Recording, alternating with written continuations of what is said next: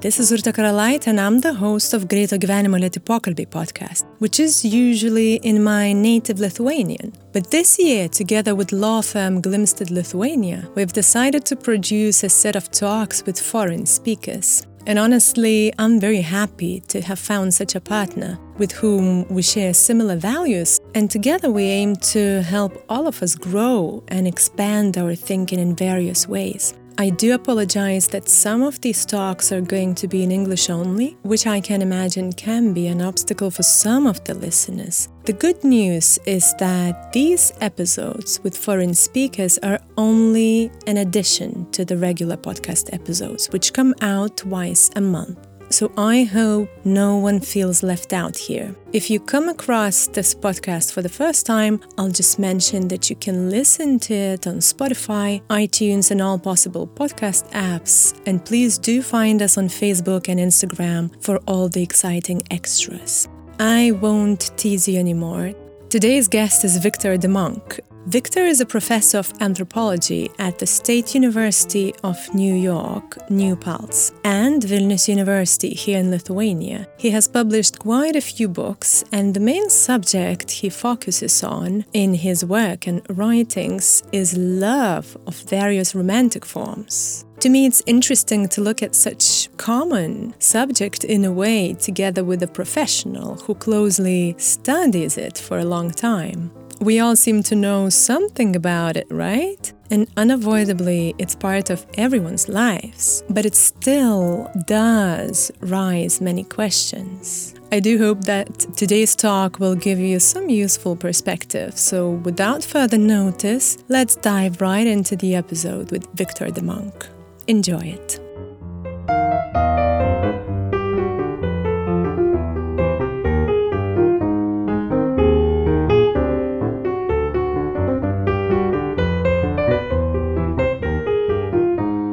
Okay, I will ask one thing because when I looked up some information about you and in Lithuanian by um, Vilnius University, there were uh, some brief interviews published, and there was one small detail that I noticed when students asked you, What are we gonna study at your lectures? You said we're gonna start from looking into the greeting each other. What I meant to say about greetings, if I recall the context of the statement, is um, there's so many different ways people greet each other, and that's anthropological. You know, if we hugged, that would kind of imply that we know each other for a long time. And if uh, females tend to hug each other, at least in the US, more so you don't know how close friends they are. So there's all sorts of different greetings. And people are always trying to study, you know, massive things like climate change, um, which I'm quite interested in, or, or, love, which are quite massive things. But it's uh, that old saw that if you uh, can't study the simple, basic, concrete things like how people greet each other, how are you going to study more complicated political, social issues that uh, include much more than the concrete acts of greeting someone and inferring from those concrete acts how those people are related to each other and why that particular greeting is being used in this particular context. Almost everything human beings can do is quite fascinating. You can look at it and say almost everything human beings do is quite boring at the same time uh, because uh, you can, uh, and people do. They dismiss uh, the complexities of life uh, quite easily many times. But I tend to be uh, quite interested in, in all sorts of minor details of people, like your blouse and uh, your rings and the color of your fingernail polish. I'm just interested in, and it doesn't matter if you're old, young, male, female, or, or a dog, or what species you are. I just have that uh, innate curiosity. So, from smaller details, you mentioned the bigger and wider subjects like right. love, which is one of your um, areas of study. So, the first thing when I looked up your name and I saw these subjects like romantic love, marriage, sex, and anthropology together, mm. the first mm. silly question that arose was how does science approach these subjects? Could you briefly tell us how do you proceed with your research? How does it technically work?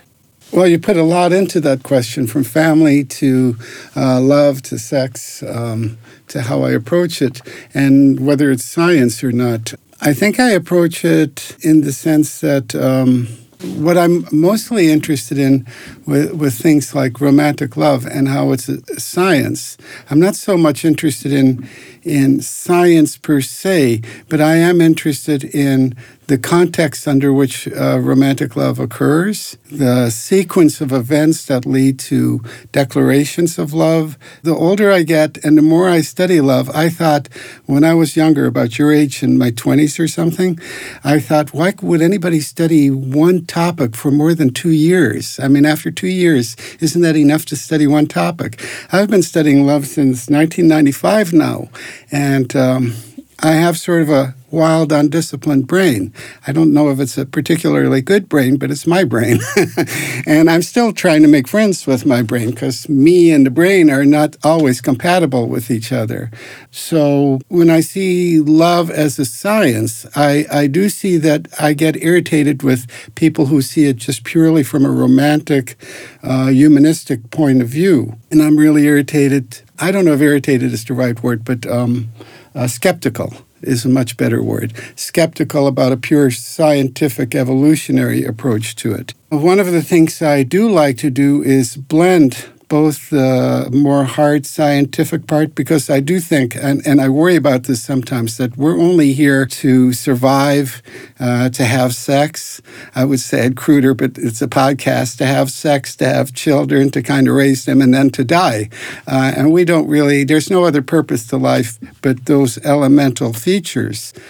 I have to think about that elemental base because it's jarring to think of my life as not being much more complicated than an insect's life, except there's the accoutrements, the polishing, and the fanciful uh, bells and whistles of culture and technology and society that kind of hide the basic features of romantic love. And romantic love has some complicated features to it, like it's about sex, and oftentimes I think people are confused. You know, is it love or lust? The other part about love that particularly catches me, two things that particularly catch me is that traditionally, at least, it's dyadic. A dyad, to me, is very interesting from a scientific point of view because it's the first social unit. And that I find very, again, if we're talking about science and elements of science. So when you and I are together like this, we're forming a social group that has a particular culture that we're constructing both from our personal histories from the past and in the present, since we don't know each other well, and because this is an artificial kind of situation in this room. So there's a lot of improvisational construction of a culture here, but it has to be culture because we share it in order to communicate. So love is there's the basic things of having sex with someone and having children with them, but that oftentimes further down the road, although with the hookup culture it can happen quite quickly. That's our basic instinct. With love, the interesting thing is that it's an elemental unit, two people, somehow they form a culture. And they form a culture of two, what I sometimes call a cocooned dyad because it's it's a couple. They don't no longer see me as an individual. Sometimes they see me as a couple. So the very nature of what it is like to be a dyad, that elemental unit, and to construct a unique culture that's specific to the two of you that other people can see but they don't have an internal experience of that culture. So it's a very interesting, complicated thing. The first social unit, and also a unit that, in a way, constructs its own culture within the larger balloons or nested within larger circles of culture. It's very important to me, and also the idea of volitional sacrifice volitional sacrifice, meaning that in a, in a love relationship, though it's not quite that simple, but people are willing to sacrifice for each other. And it's not out of the sacrifice that you make for your country, uh, which is sometimes a strange thing why you would go to war and sacrifice for a cause or for a country. Those are different kind of sacrifices uh, because it's an imagined one. The sacrifices that you make for your beloved is one you know that person, you you you know them not uh, in a, in a very deep, full way. So I think the for me the central feature of love that's interesting is the human capacity uh, to feel transcendence, to create a reality that doesn't really exist. That's a reality that's more powerful than the reality that might exist, and that's part of that reality uh, because it's meaningful. Uh, it creates meaning and it also creates this capacity to sacrifice and to help each other out because I think without that and to understand love is the only way that uh, human beings are going to survive in this world in the future. It's very interesting the reality that uh, two human beings create, that other reality that you mentioned. Would you say that uh, when we come as two individuals, before meeting, mm-hmm. do we have different realities and then we create something totally different that has not existed yet? Well, we create it out of the past and our experiences and our personality, of course. It hasn't existed yet, and there's constant kind of the world is constantly changing. At the same time, what all human beings like, I've just been thinking about this over the last two weeks. uh, but I thought about it before, but I haven't been thinking about it profoundly. But what's interesting is things change, obviously. The world is always changing, relationships change. My wife and I, and our children, and Mochuta and uh, uh, Sinalis, and the way we construct the world here the Sinalis and Mochuta will die. I'll die. Things fall apart. My kids will get old. They'll die. Uh, it's always changing, and uh, but yet we want the constancy. We want the permanence of what is. And you can see in little kids, they like to repeat things. They want the same food for breakfast we desire constancy. We desire that those people we have around us and the way we live in some ways the things that make us comfortable, we want those things to remain. We don't want the world to change, even if we're not happy necessarily in our state. But at the same time, everything is changing constantly. So love is that interesting thing that says typically, you know, I love you, and it implies traditionally, I love you forever. I love you for a long time. We'll go through all sorts of things. It's not like you're the person fixing my car, and I love you as long as you can fix my car for a cheap price. And then if you start raising the price and not fixing the car, I don't love you as much. Love is usually not based on that kind of contingencies or that kind of contract. It's usually based on that implicit idea that it's an enduring relationship. I know you have your flaws. I know I'll find out all those flaws from my perspective and vice versa. And we'll compromise, live, and deal with these and, and build on it. So it's all always in a state of transience. I think one of the things that happens, and for me personally, though I've never said this in public, the more I think about love, the less I know what it means. I have no idea. I tell my wife this all the time. I don't know if I love you or not love you. I know we have something, and I think the word love just doesn't do it any justice because it isn't love that I have for you. It's a, it's something else, but I can't quite figure out what it is. And it's also it's so fragile because you can have one fight, one big fight, if I cheated on her, let's say, not likely to happen, but it's always possible. Uh, or if something happens, or if I hit her, if I do something that's completely outrageous, that relationship is gone. And when that relationship is gone, that culture that we've built together for so many years, that's killed that culture no longer exists. It evaporates, it's disintegrated, just like Mochuta and Sinalis will die and everything dies. We can kill that culture no matter how stable our relationship is. So there's stability in that relationship, and there's movement, and there's these currents that move through that relationship. That is a very intriguing kind of thing, love. And if you can figure out the dyadic relationship and how one manages that and how one finds um, fulfillment in it, even though that fulfillment is largely phony, it's largely an illusion. Uh, but if one can find it, then you have the kernel for how the world can sustain itself that, that's my extended belief and hope of studying romantic love because people have to make sacrifices to create a sustainable world. They have to think about each other as more than, you know, buyers and sellers. And we have to be able to make sacrifices for people we don't know. And also, you mentioned that there are different ways of uh, sacrificing. Mm-hmm. Um, and I believe there are different ways to love also and you mentioned love between the society members and mm-hmm. romantic love and love to your parents and your mm-hmm. children what differences could we see here how romantic love differs from all sorts of other loves i think about it like this sometimes though i haven't written this the first time a man and a woman got together had sex with each other the act of sex became more than the act of sex. It became a feeling of intimacy for some. I mean, it didn't have to, but at some time, somewhere, some couple had sex together and they felt something more than just, uh, and I'm not diminishing the sentient pleasures of having sex with one another. There's basic sentient pleasures there, but that transcendent sense of coupling and having your individual self and the other person's individual self in some ways merge in a way that you hadn't anticipated that merging to occur, that sense of what the old Platonic sense of the two in one. Uh, but it's a temporary kind of merging. And I think in that merging of recognizing that the two of you have this kind of momentary spiritual union. I'm not particularly a spiritualist, so I'm using it in a kind of quote unquote way, but that momentary spiritual union that sense of transcendence.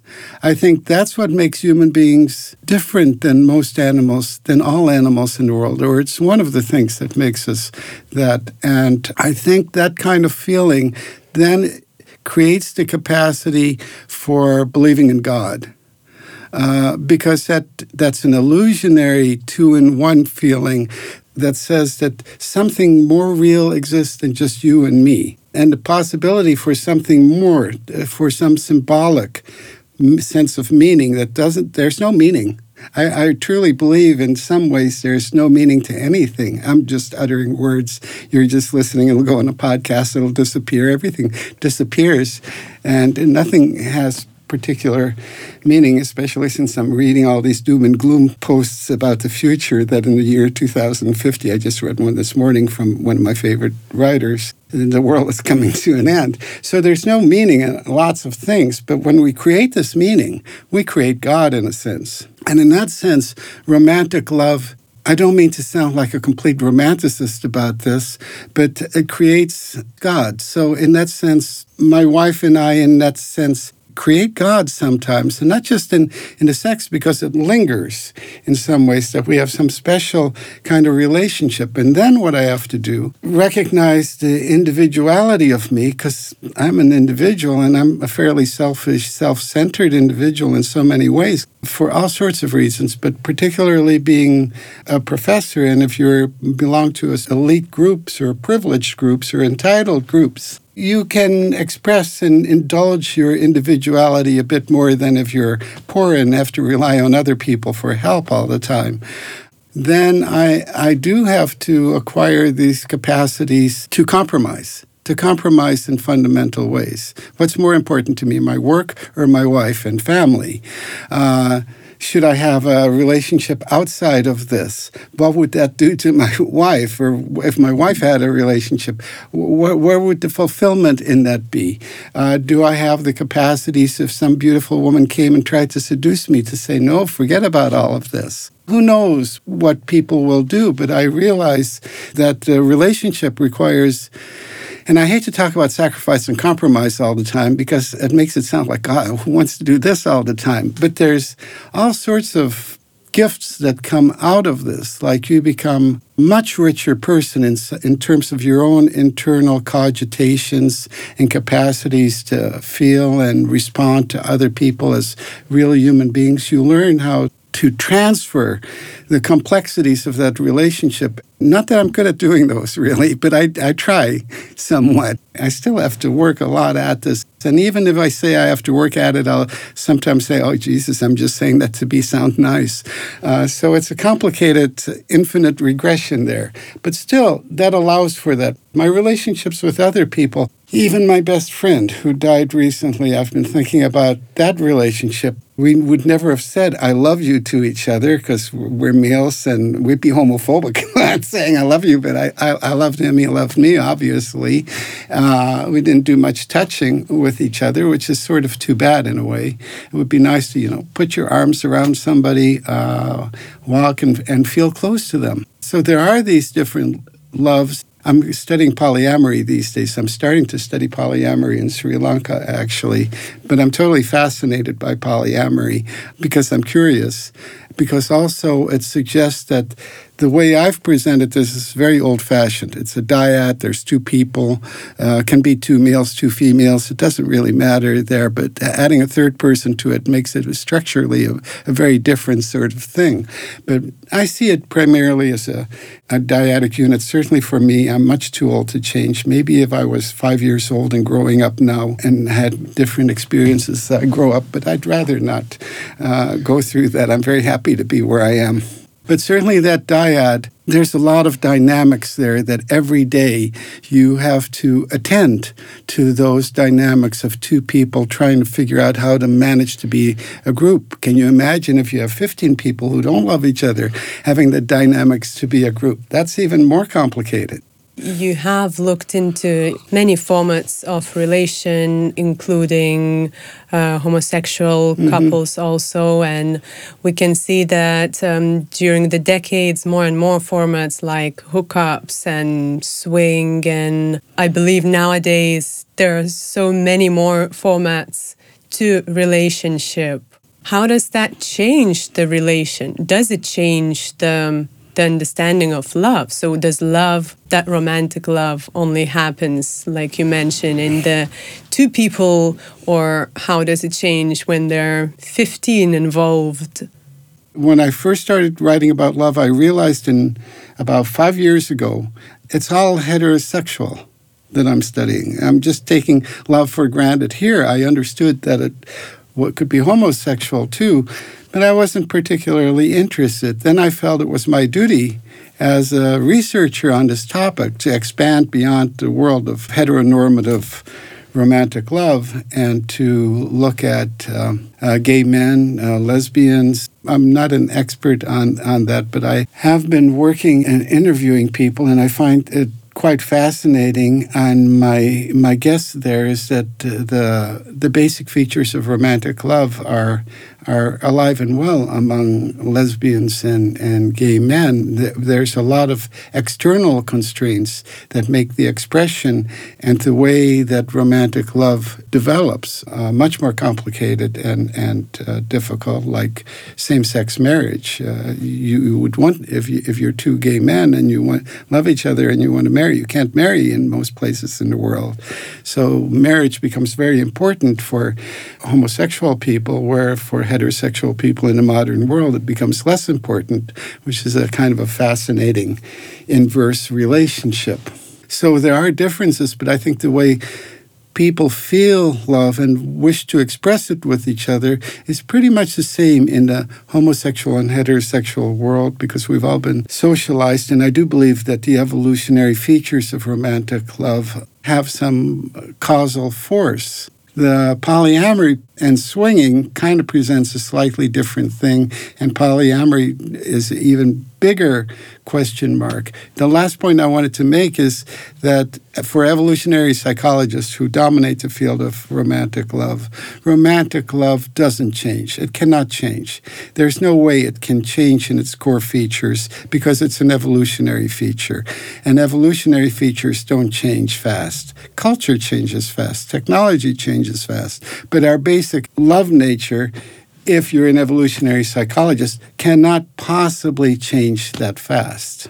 the basis, I imagine, of course, like you are saying, since the moment humans appeared on, on this earth, the idea of uh, coupling and sex and continuation of uh, families um, is pretty much the same. But it's interesting, you mentioned the change and um, also, I understand you looked into Lithuania and uh, Soviet Union um, as a um, demographic and social area that has a different history, it would be interesting to see how that influences our understanding and the change of understanding of romantic love. Say, um, looking at the West, uh, the US, that has uh, boomed the idea of romantic love with all of the pop culture and Hollywood, and the way we developed it here together with different regimes and kind of yeah frames that um, we were used to. Does it differ? Yes, it does differ. You get the same feelings. There, there's a difference in cultures. I think people in Sri Lanka, people in uh, the Inuit in the Arctic Circle, uh, the Bantu in sub Saharan uh, Africa, uh, Americans, billionaires, and everyone like I think there's a bell shaped curve. Some people feel that romantic love, if it's too intense, is messy. They don't like it. They don't want their partner to be this way. And there's other people who see romantic love always in, in terms of drama and intensity. So I think people are chemically composed slightly different along this curve and that has nothing to do with culture. Culture can uh, privilege one kind of expression of love over another expression of love, so that you might feel that your kind of way of feeling it is not particularly normative. Even if you're heteronormative, you can. I don't want that kind of love that we see in the movies. I want a nice, stable partner in my life who we have sex with every now and then. That's good. And, and there's other people who want drama. So that's a personality difference. There are cultural differences that arise too. Cultures, uh, you know, prefer one kind over another kind of love and they embellish. But I think what happens is that people then use the cultural models or the cultural constructs and the cultural language to make sense of their own love. The language and the cultural constructs in themselves, in my head, are very passive. They don't do anything, but we do things with them by our understandings of how we're supposed to be. But in cultures where they have no vocabulary of romantic love, you just feel it the same way that I would feel it or you would feel it. But you don't have the language, you don't have the, the symbolic systems to make sense of it and articulate it in your own introspections or in your own sense of your feelings nearly as well as other cultures can who do give you a ready set way of trying to comprehend what's going on. It's interesting to look at the formats, the feeling, probably, whether we can express it in words or actions, um, are pretty much uh, similar. But um, looking at um, our cultural construct, the way we were brought up, and it was pretty much clear how the family has to be formed and how the relationship has to go after the independence and with all of the Western influences. Mm-hmm there was a wave of freedom which evolves into this huge variety of the formats that involve the romantic love for sure, but sometimes it doesn't. Sometimes mm-hmm. people choose not to go that way and maybe just enjoy the uh-huh. physical, uh-huh. I don't know, relation and and sexual and divorce. Uh-huh things have changed in Lithuania since I first studied romantic love here, and I haven't yet studied romantic love except very early on when I came here. But I, I think there's big differences between, uh, just as you said, between its the way it's framed here than the way it is in the U.S. And I think the Western world. Uh, after independence had a huge effect, but not immediately, because it's just what you see. It's not necessarily how you integrate those feelings into way how you feel or how maybe you should feel. You might want to imitate the West in 1990s or 1980s, even before, but you don't necessarily can buy into the whole thing Also, thinking of um, the the other formats um, like the hookups and um, short-term relationships. Mm-hmm. Uh, nowadays, we can sometimes see that attachment and responsibility is something avoided. Can love and relationship, strong relationship, can go without it, without attachment and responsibility? Your point is really well taken. I think what happens is that there's a lot of options available. I think if I were growing up, I would not be very secure in my heterosexuality because it's okay to be homosexual, and and I would be getting a lot of public discourse, a lot of messages that make one's sexual identity contingent. I think sex is much more flexible in a person than love. I've done research in Muslim countries where boys do have sex with each other until they get married. Then they would be considered homosexuals, and that would be horrible. They would be labeled, but before marriage, it's okay because there's such a high price placed on virginity that you don't have much premarital sex and it would be fairly rare. So you express your sexuality with same sex persons, and that's kind of considered to be okay. So I think sex is fairly flexible, but I don't think love is flexible at all. So I fall in love with women. I don't think I could have the same intense, strong feelings for a man. Though I think if I grew up and had sex with a man as I was 15, 16 years old, when all this is fluid, I would become more bisexual and be confused by my sexuality. I really am grateful that I grew up earlier where I didn't have to go through all this because it would just be confusing. There's too many options for sexuality, and also there's too many options for what kind of relationship one can be in. So traditionally, you were either in love and you were a couple, or you were kind of playing the field. But now you can have all sorts of different kind of relationships. And I think that creates a, a lot of stress. more than satisfaction. And anxiety, also, as you mentioned, since there are so many options, and especially a young person probably doesn't know where to go, wants to try this, this, and that. And finally, attachment and responsibility doesn't perhaps sound like the best option. Mm-hmm.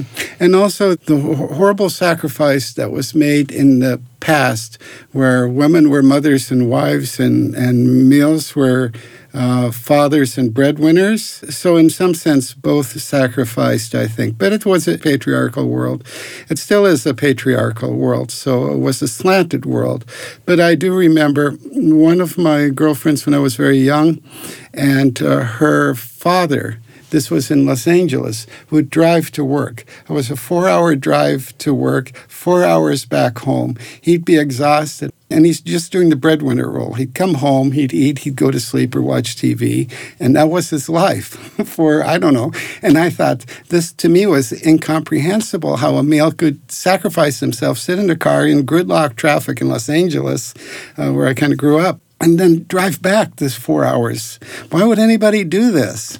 Of course, in the old days, you would not think, why would anybody do this? Because I was feeling uh, an individual. And now it's even more individualistic. So the kind of compromises and sacrifices that I was talking about before, nowadays, I think, you know, you have a relationship, it's contingent. It's always contingent. I, I, can make some sacrifices for you, but not too many. And all those cute things that you used to do before, like talk about goofy things, I'm not interested in those goofy things anymore. And matter of fact, I like watching basketball on TV, so just leave me alone when I'm watching.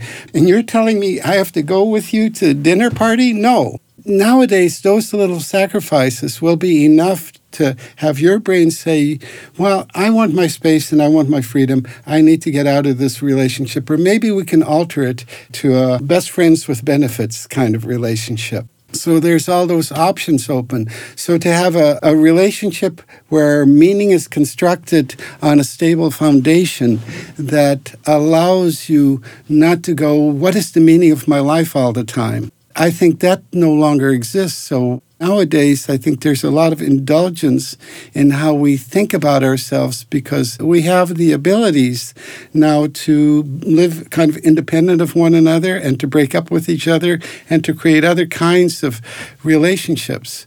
But I think in doing that, we lose a little bit the capacity to construct a stable foundation for the construction of meaning upon which we can do other things in our lives.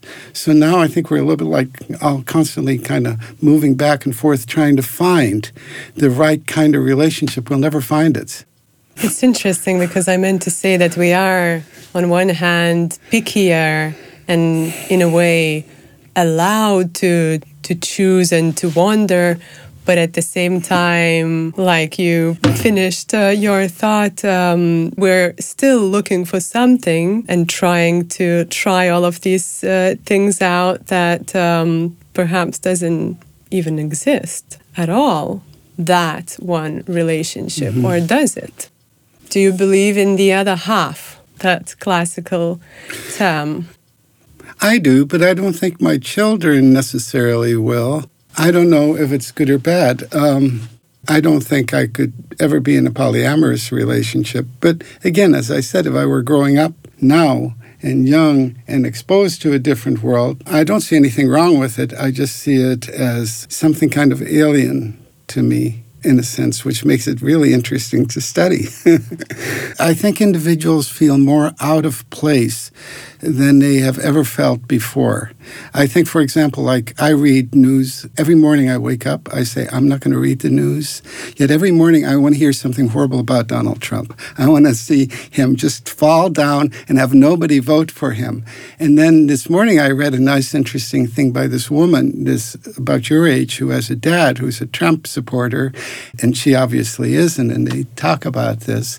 And then after that, I thought to myself, well, I only look at liberal news. I never look at Fox News, or I couldn't stand the idea of looking at it. So I'm in some ways no better than people who follow Trump blindly. And I think in some ways, so we have all these options. We draw hard boundaries where we get our news, uh, where we go on the internet, where we don't go on the internet, and what we fill our heads and our desires up with on the internet and what we don't.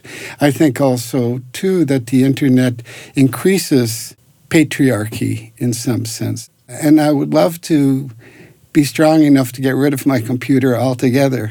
I think it's just an evil thing. Of course, that's a lie because I'm on it a lot, uh, usually not for internet.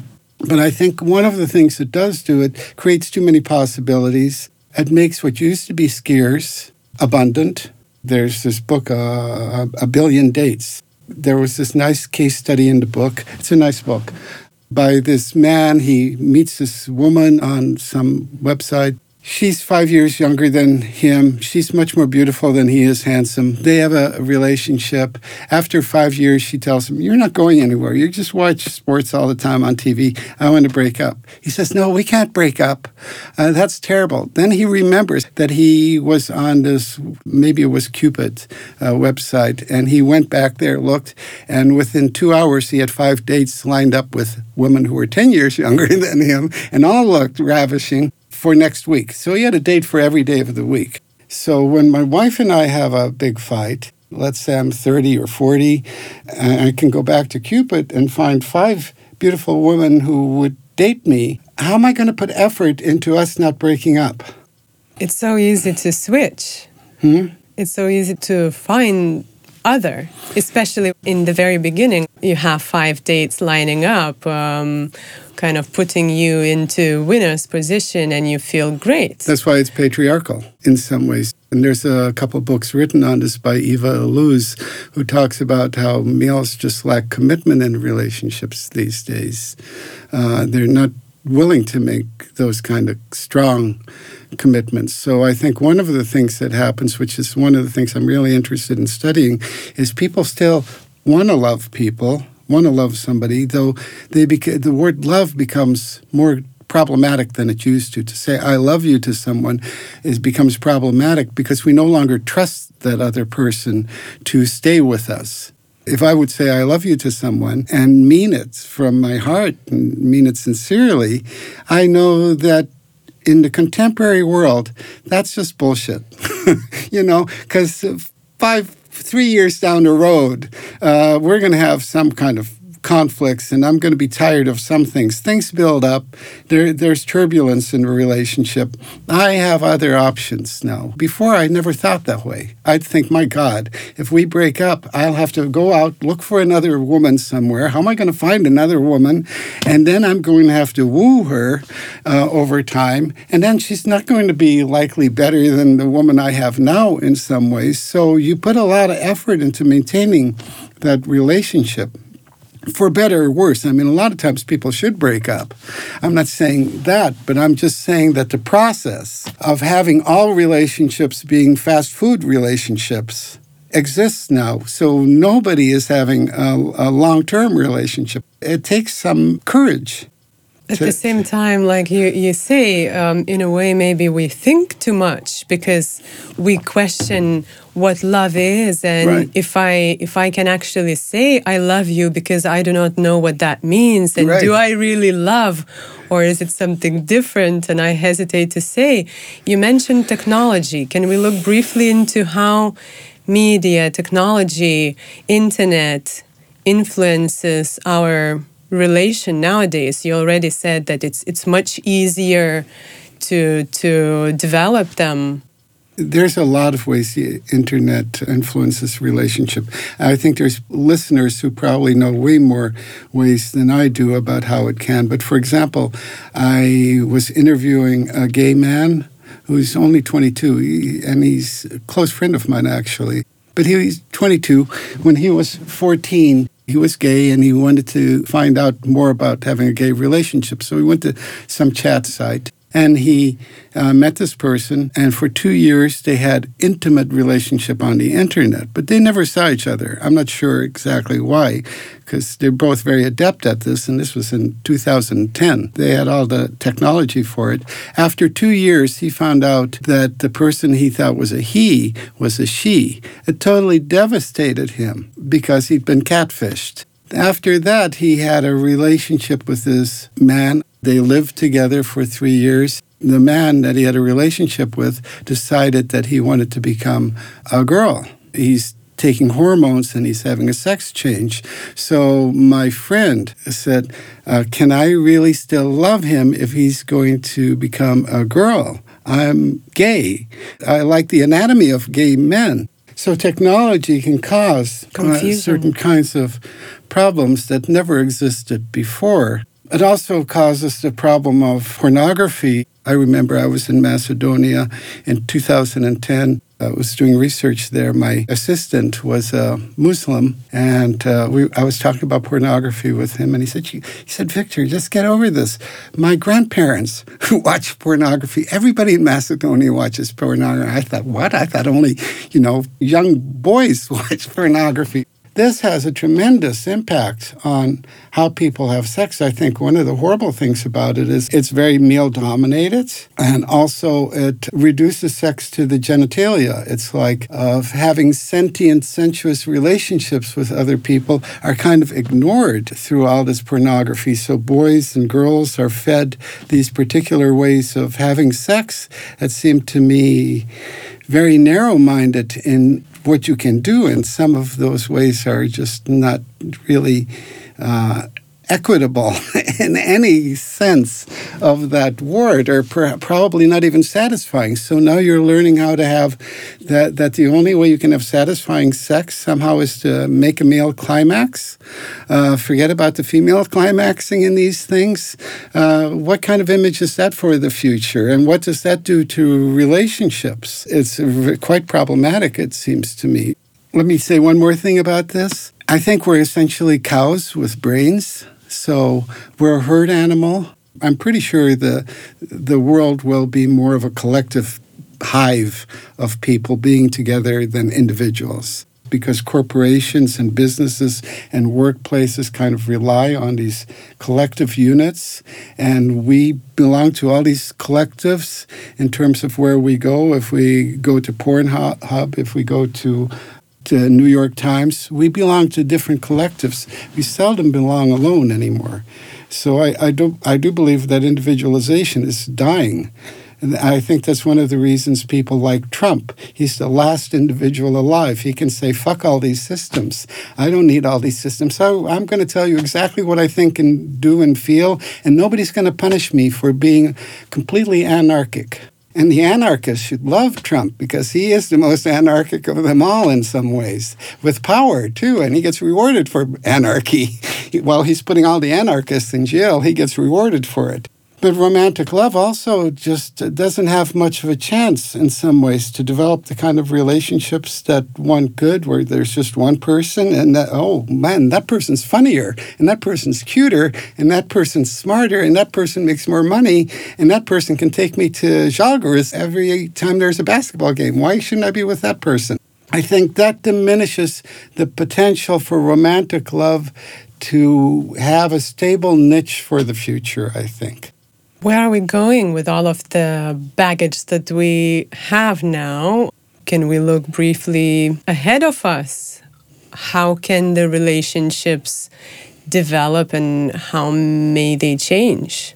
One day, many years ago, when I was going to uh, work in LA, a friend and I decided to stop in uh, West Hollywood. And uh, it was afternoon, Sunday, like two o'clock, and I go past this assisted living, this house for the, elderly, and I happened to look in the window, and I caught this woman.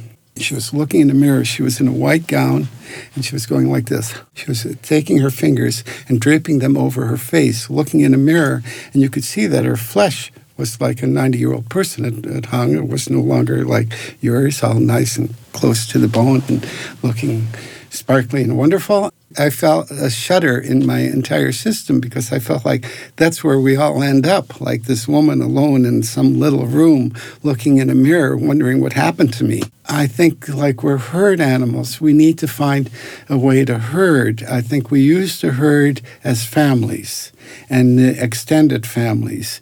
And I think uh, that herd thing it was like I was saying, transience versus constancy. We like the transiency of it, even if it doesn't make us happy, but it gives meaning. Oh, Aunt Rasa is coming and Data Mindaugas, they're all coming over for the annual picnic or something of the family. And this family identity gets, this tribal identity gets um, reified, and we all join in, even though half of us probably don't believe it, but we still participate in that. And we go out and we watch our parents clean the graves of their parents and their parents' parents. And we go, I don't know if I'm going to clean the graves of my parents. Why would I do that? But there was continuity and stillness, the family.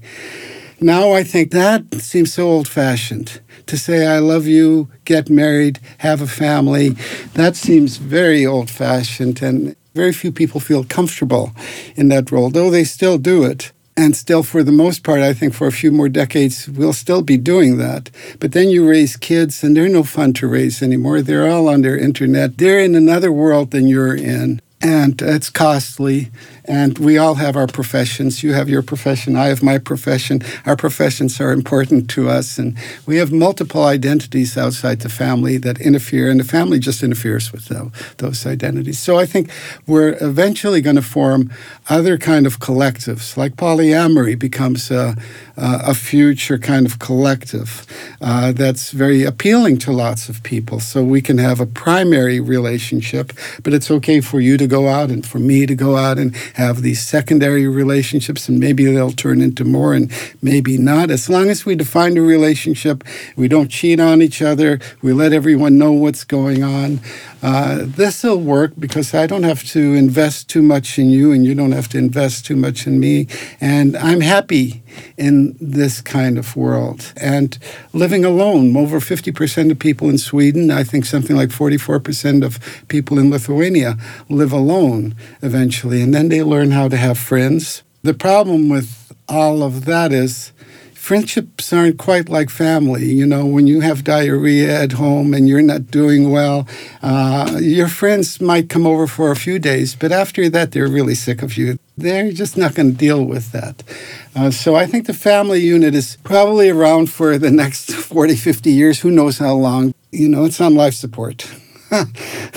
and we're we're experimenting with other ones. I think eventually we'll find some system that works for us. The other thing that happens, though, which is kind of interesting, you know, as technology takes over, our brains shrink because the brain it takes a lot of energy to keep the brain going.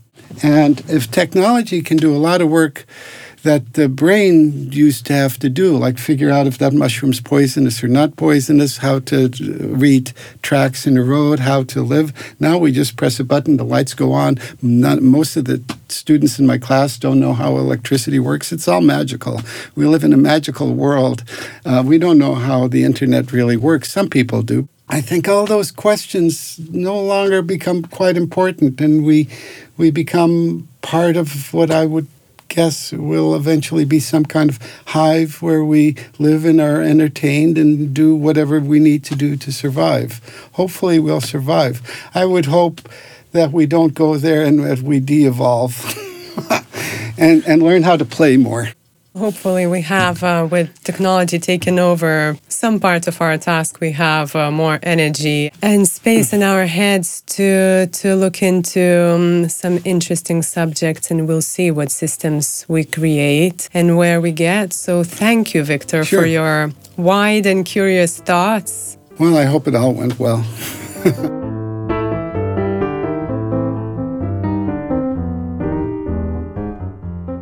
Thank you for listening. I hope you found some broadening thoughts in our fairly long chat. I believe that slow and deep conversation is one of the best tools to help us learn something new and grow. So, thanks to Glimstedt Lithuania, who bring this tool straight into our headphones. Don't forget to subscribe to the podcast on Spotify, iTunes, or podcast apps, or follow us on Facebook, Instagram to catch all the exciting new episodes. You are listening to Greito Gyvenimo Lėti Pokalbiai podcast from Vilnius, Lithuania, where we talk to anthropologist Victor de Munck. My name is Urte Karalaite, and I must say goodbye now until the next time, hopefully very soon.